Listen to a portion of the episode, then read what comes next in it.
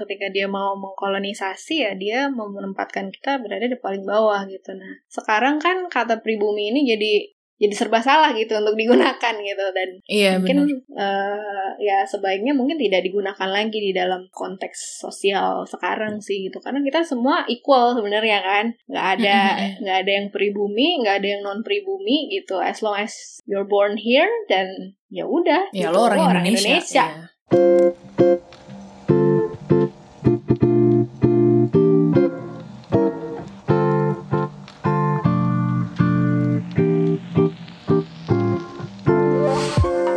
Semuanya, selamat datang di edisi spesial bulan Mei ini yaitu Menolak Lupa. Sebenarnya kata menolak lupa ini gue ambil dari hashtag yang biasanya dipakai untuk mengingatkan kita kembali akan beberapa kasus HAM yang belum terselesaikan di Indonesia.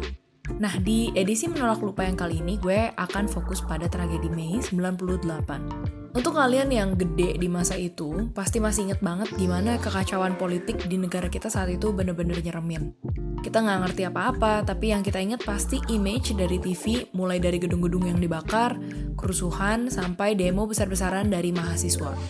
Dan di edisi spesial kali ini gue akan ngobrol sama teman-teman yang akan share cerita personal mereka, juga perspektif dan pelajaran apa yang didapat pasca tragedi Mei 98. Tapi disclaimer dulu nih, edisi khusus kali ini bukan untuk mengajarkan kalian akan sejarah tragedi ini secara keseluruhan, karena tragedi itu sendiri memang berlapis dan cukup kompleks. Jadi tujuan untuk edisi ini adalah agar kalian yang mendengarkan cerita personal teman-teman kita ini bisa punya interest lebih untuk research mengenai sejarah tragedi Mei 98, juga mengenai isu rasisme di negara kita yang sayangnya sampai sekarang masih sering banget dipakai jadi senjata oleh beberapa orang yang punya kepentingan politik di negeri ini. So, tanpa perlu berlama-lama lagi, yuk kita dengerin cerita teman kita yang satu ini. Nah, jadi uh, Karyanti boleh mulai uh, waktu lagi mm -hmm. Mei 98 itu Karyanti kan Depok Kids ya? Betul, Depok Kids. Born and raised in Depok. Wow. Dan di situ uh, uh, Karyanti sempat mention ke aku, uh, Karyanti lihat ada ini kan ya, uh, mall mm -hmm. yang namanya agak ajaib waktu itu di Jarah. Ya, betul, betul, betul. Jadi Uh, ini boleh aku mulai cerita kali ya. Sip. Oke. Okay. Jadi uh, pada saat Mei 98 itu aku kira-kira kelas 2 SD ya. Jadi ingatanku mm -hmm. mungkin agak agak fragmented gitu, agak agak tidak full uh, yeah, yeah. sepenuhnya ingat, tapi satu hal yang sangat teringat adalah waktu itu ada supermarket di dekat rumah um, mm -hmm. namanya itu super ekonomi ya jadi mau beli barang-barang yang super ekonomi di situlah. Baik. super ekonomis harganya gitu. Nah, jadi uh, ini salah satu supermarket yang agak besar di uh, mm. Depok di sekitar rumahku lah pada saat itu. Terus uh, yang ku ingat waktu itu aku lagi main sore di luar rumah. Kebetulan aku tinggal mm -hmm. di daerah mayoritas muslim gitu. Jadi ah, aku okay, okay. aku adalah mungkin saat itu dari antara 5 atau 10 orang Kristen yang tinggal di situ gitu. Mm. Jadi uh, terus lagi main-main sore di luar rumah tiba-tiba ada orang lari-lari kan, semua lari-lari. Kenapa nih ada apa nih? Terus uh, tiba-tiba bokapku juga lari, bilang, "Wah, SE di Jarah ada kerusuhan." gitu. SE itu yang tadi ya, supermarket super ekonomi tadi gitu. Yeah. Nah, terus waktu itu sih nggak ngerti ya kerusuhannya karena apa, terus itu di Jarah kenapa gitu nggak ngerti banget sampai mungkin mulai uh, apa namanya mulai tahu ada isu Mei 98 itu ketika mungkin udah agak besar ya SMP kalau nggak salah waktu itu iya yeah. uh, sempet jalan ke arah eh no no pada masih SD juga sih kalau nggak salah SD kelas 6 gitu jadi empat mm -hmm. tahun setelah setelah kejadian 98 ya jadi iya, iya, uh, bener -bener. kakakku kebetulan punya urusan kerjaan di daerah Roxy. Nah, mm -mm. Roxy, Roxy itu kan uh, ya boleh dibilang pusat perdagangan ya. Terus banyak banyak uh, orang-orang Tionghoa, ya iya. etnis, etnis Tionghoa yang, yang ada di situ gitu.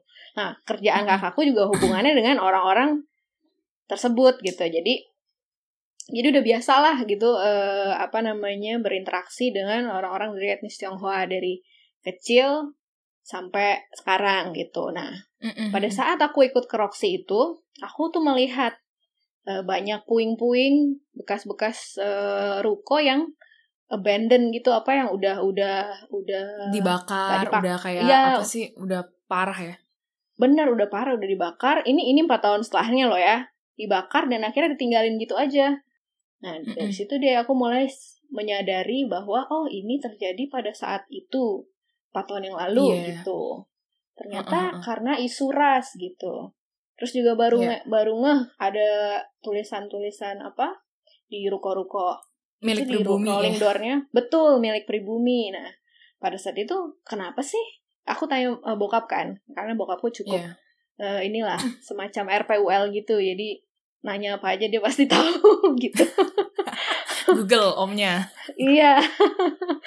nah, terus aku tanya, kenapa sih itu ditulis milik pribumi gitu. Nah, baru dijelasin mm -hmm. bahwa kerusuhan 98 itu adalah uh, salah satunya uh, sokot kebencian terhadap orang-orang Cina gitu yang dianggap menguasai perekonomian Indonesia Terus orang-orang sokol pribumi adalah yang bukan Tionghoa itu dipanas-panasin untuk melakukan apa namanya konfrontasi dengan mereka sehingga menjarah dan segala yeah. macam. Nah, ditulis eh, apa toko-toko mereka itu ditulis milik pribumi supaya nggak dijarah begitu. Jadi baru tahu tuh mm -hmm.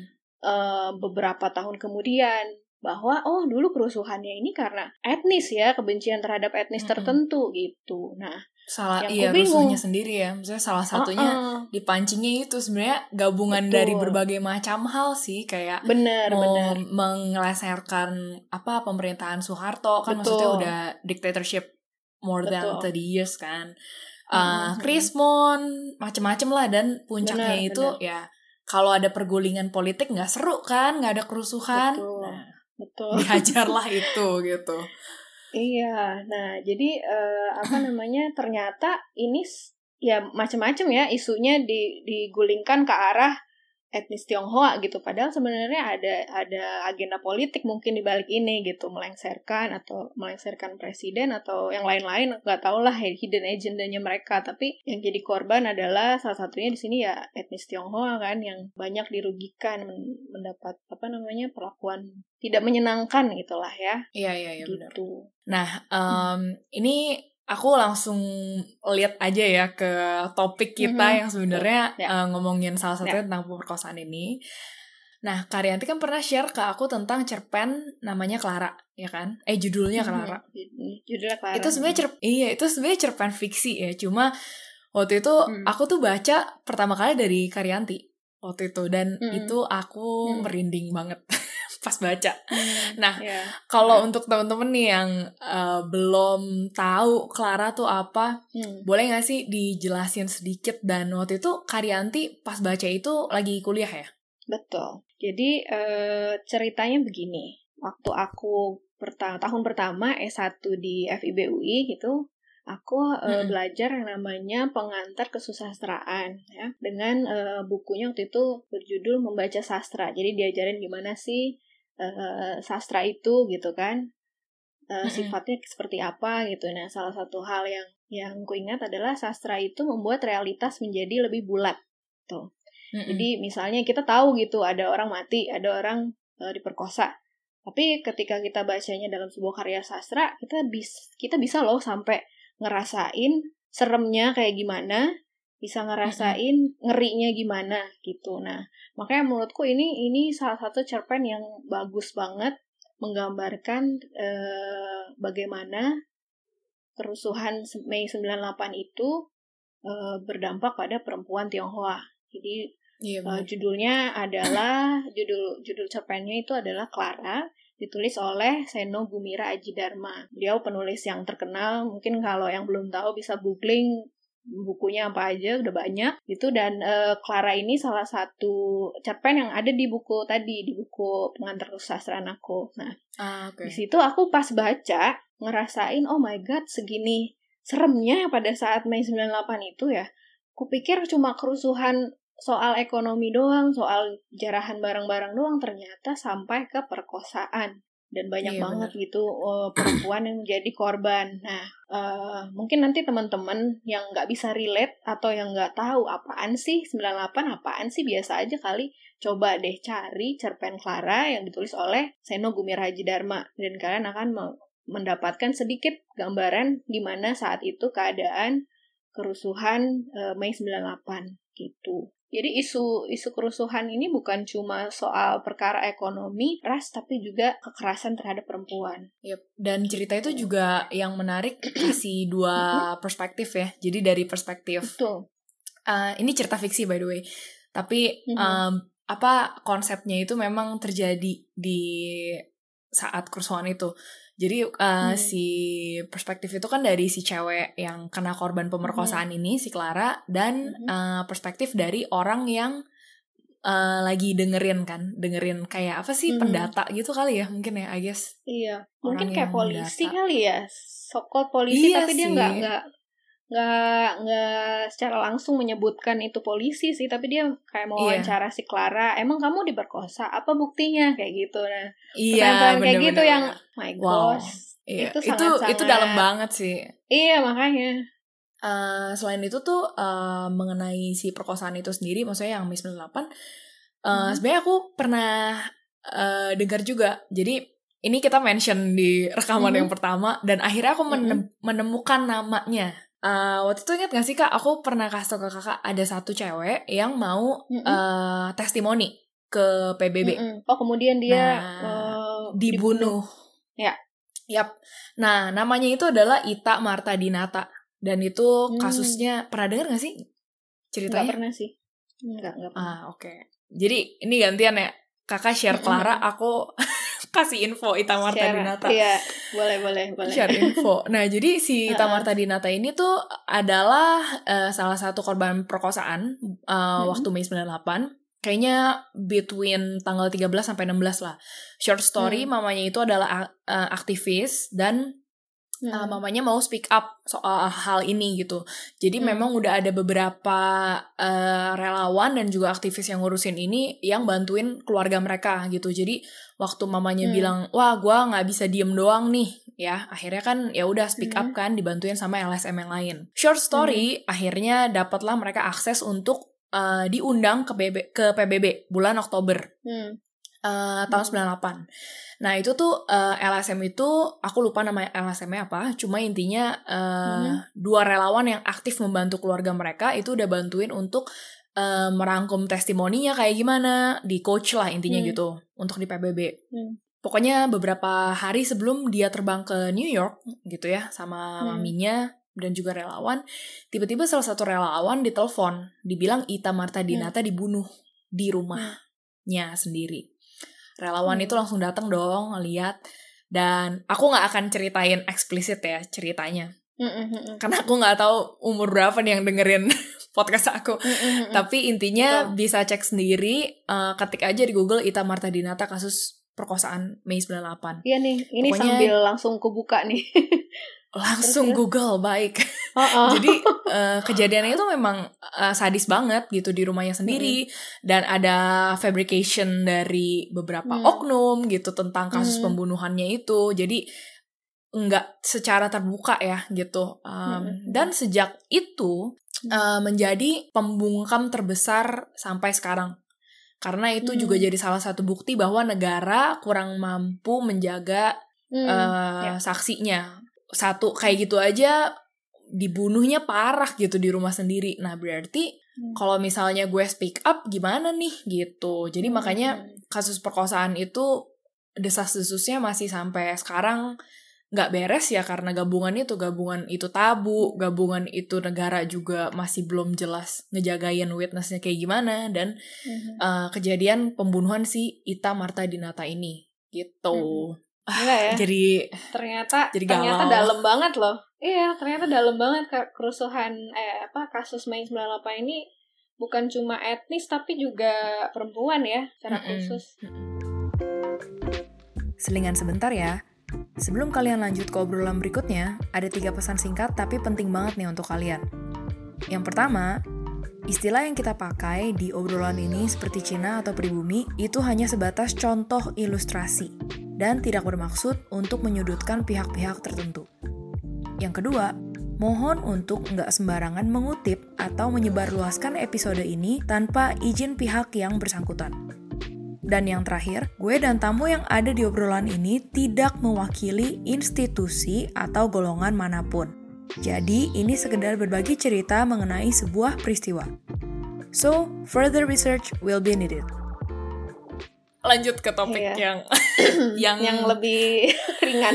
Uh, gak ada yang, yang ringan lebih, ya. Gak ada yang ringan gimana dong? Ini gak ada yang selamat ringan, iya, masuk ke, ke lembah ini ya, lembah yang agak berat. Lembah yang agak kelam ya, masa lalu yang kelam. Nah, nah jadi Karyanti kan waktu itu sempat mention ya ke aku mm -hmm. tentang uh, controversial histories yang Karyanti juga Betul. pelajarin waktu lagi mm -hmm. di kampus. Nah itu mm -hmm. boleh nggak sih jelasin sedikit uh, controversial mm -hmm. histories itu apa sih dan Mei 98 mm -hmm. itu termasuk nggak di sana? Jadi uh, pada dasarnya semua uh, negara gitu ya punya mm -mm. sejarah yang uh, kontroversial gitu. Kenapa dibilang kontroversial? Karena belum ada satu narasi uh, tunggal gitu ya atau satu narasi yang disepakati bersama. Misalnya kalau di Indonesia katakanlah Mei 98 gitu. Narasinya hmm. mungkin sampai sekarang banyak yang beredar gitu. Ada yang bilang ada yang melihatnya dari perspektif uh, orang-orang Tionghoanya gitu. Mereka mendapat hmm. men, men, mengalami diskriminasi ras gitu. Ada juga orang-orang pribumi yang tadi uh, mengatakan misalnya ya mereka melakukan kerusuhan karena merasa perekonomian Indonesia dikuasai semua oleh orang Tionghoa gitu. Sedangkan pada saat itu krisis moneter. Kemudian ada lagi mungkin e, narasi dari pihak lain yang mengatakan bahwa oh, ini sebenarnya kerusuhan yang dibuat-buat untuk menggulingkan rezim Orde Baru gitu. Nah, mm -mm. ini kan ini ini sampai sekarang belum ada kesepakatan nih sebenarnya apa sih yang terjadi gitu. Nah, dan ini sulit untuk menemukan titik temunya gitu.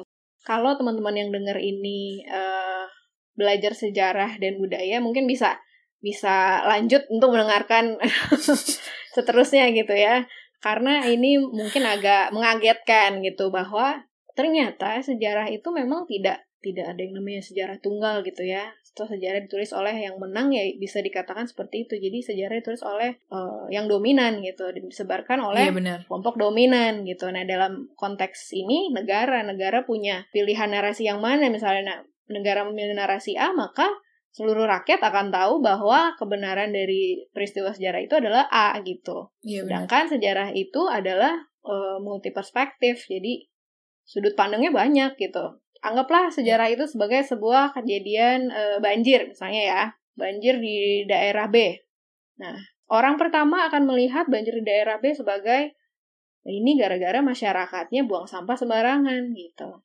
Mm -mm. nah orang kedua mungkin akan melihatnya dalam perspektif oh ini gara-gara gubernurnya nggak ngebenerin uh, gorong-gorong gitu kan misalnya.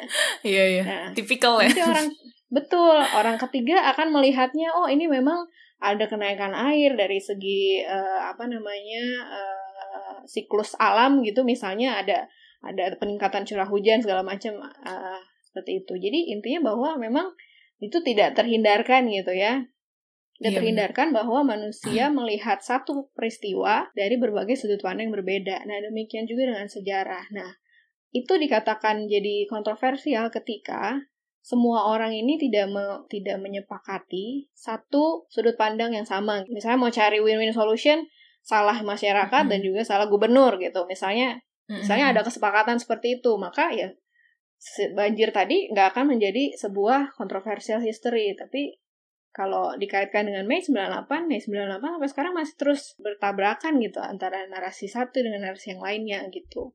Yeah, Belum ada uh, penuntasan sebenarnya kayak gimana sih gitu. Belum ada statement uh, official statement juga tentang uh, narasi-narasi yang ada gitu. Nah ya. terus apakah terus kita jadi nggak percaya lagi sama buku sejarah? Nggak juga. Tapi kita justru belajar sejarah itu untuk uh, satu tidak mengulangi hal yang sama gitu. Hal yang buruk ya mm -hmm. dalam konteks ini. Dan dua uh, kita belajar sejarah untuk melihat bahwa ada narasi lain gitu ada narasi yeah narasi dari dominan, yaitu negara misalnya, atau narasi dari pihak minoritas yang tertindas. Tapi itu juga -hmm. ada banyak macam narasi-narasi alternatif lainnya gitu. Nah, itulah pentingnya belajar sejarah gitu. Nah, dulu sih aku juga sempat berpikir ngapain sih kita belajar sejarah orang cuma ngafalin tanggalnya uh, sama peristiwa doang gitu iya, kan. Bener -bener. Jadi tanggal segini Indonesia merdeka, kemudian tanggal segini pemilu pertama gitu-gitu doang kan. Terus ngapain sih ada buku-buku sejarah di toko buku dan orang ngebaca gitu. Termasuk bokap, bokapku gitu. Bokapku sangat ah, into history okay. banget.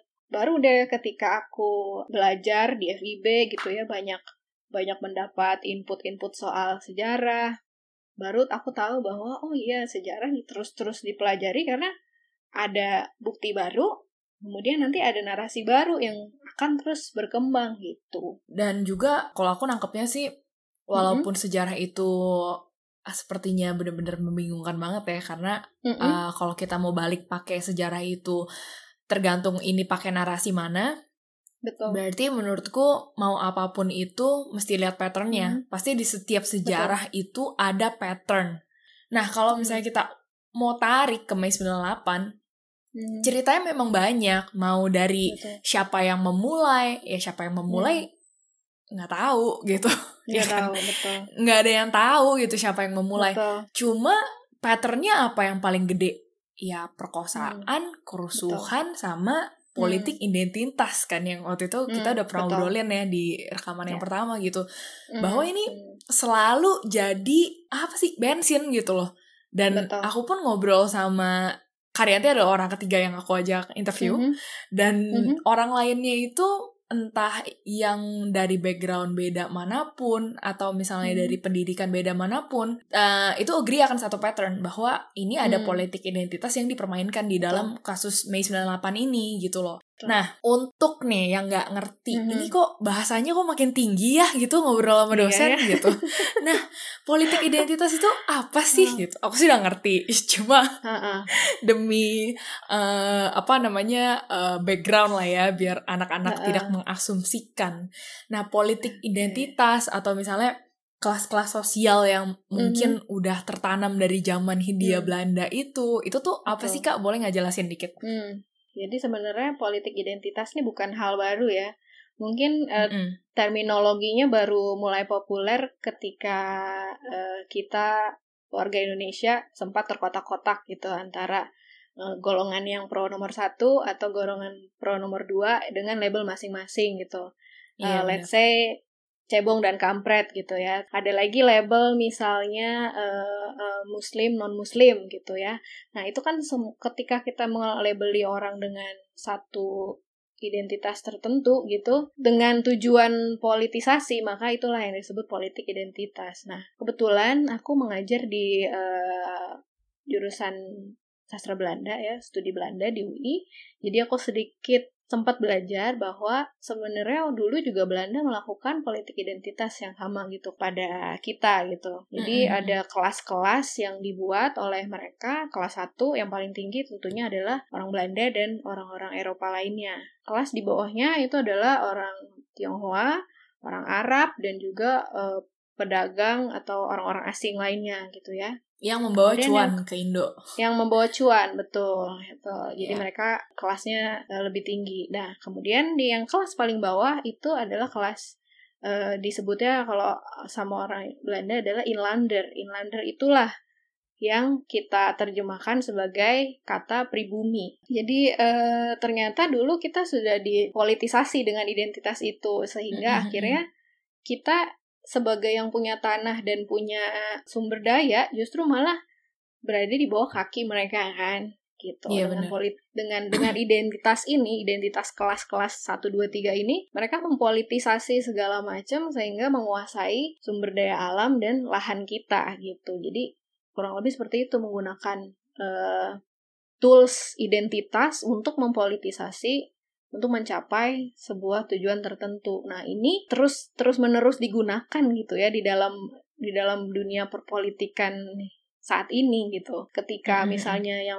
mau naik adalah katakanlah orang Cina gitu ya. Nah, maka yeah. akan muncul nih isu-isu uh, politik identitas soal Tionghoa non Tionghoa, kemudian nanti okay. muslim non muslim, iya betul.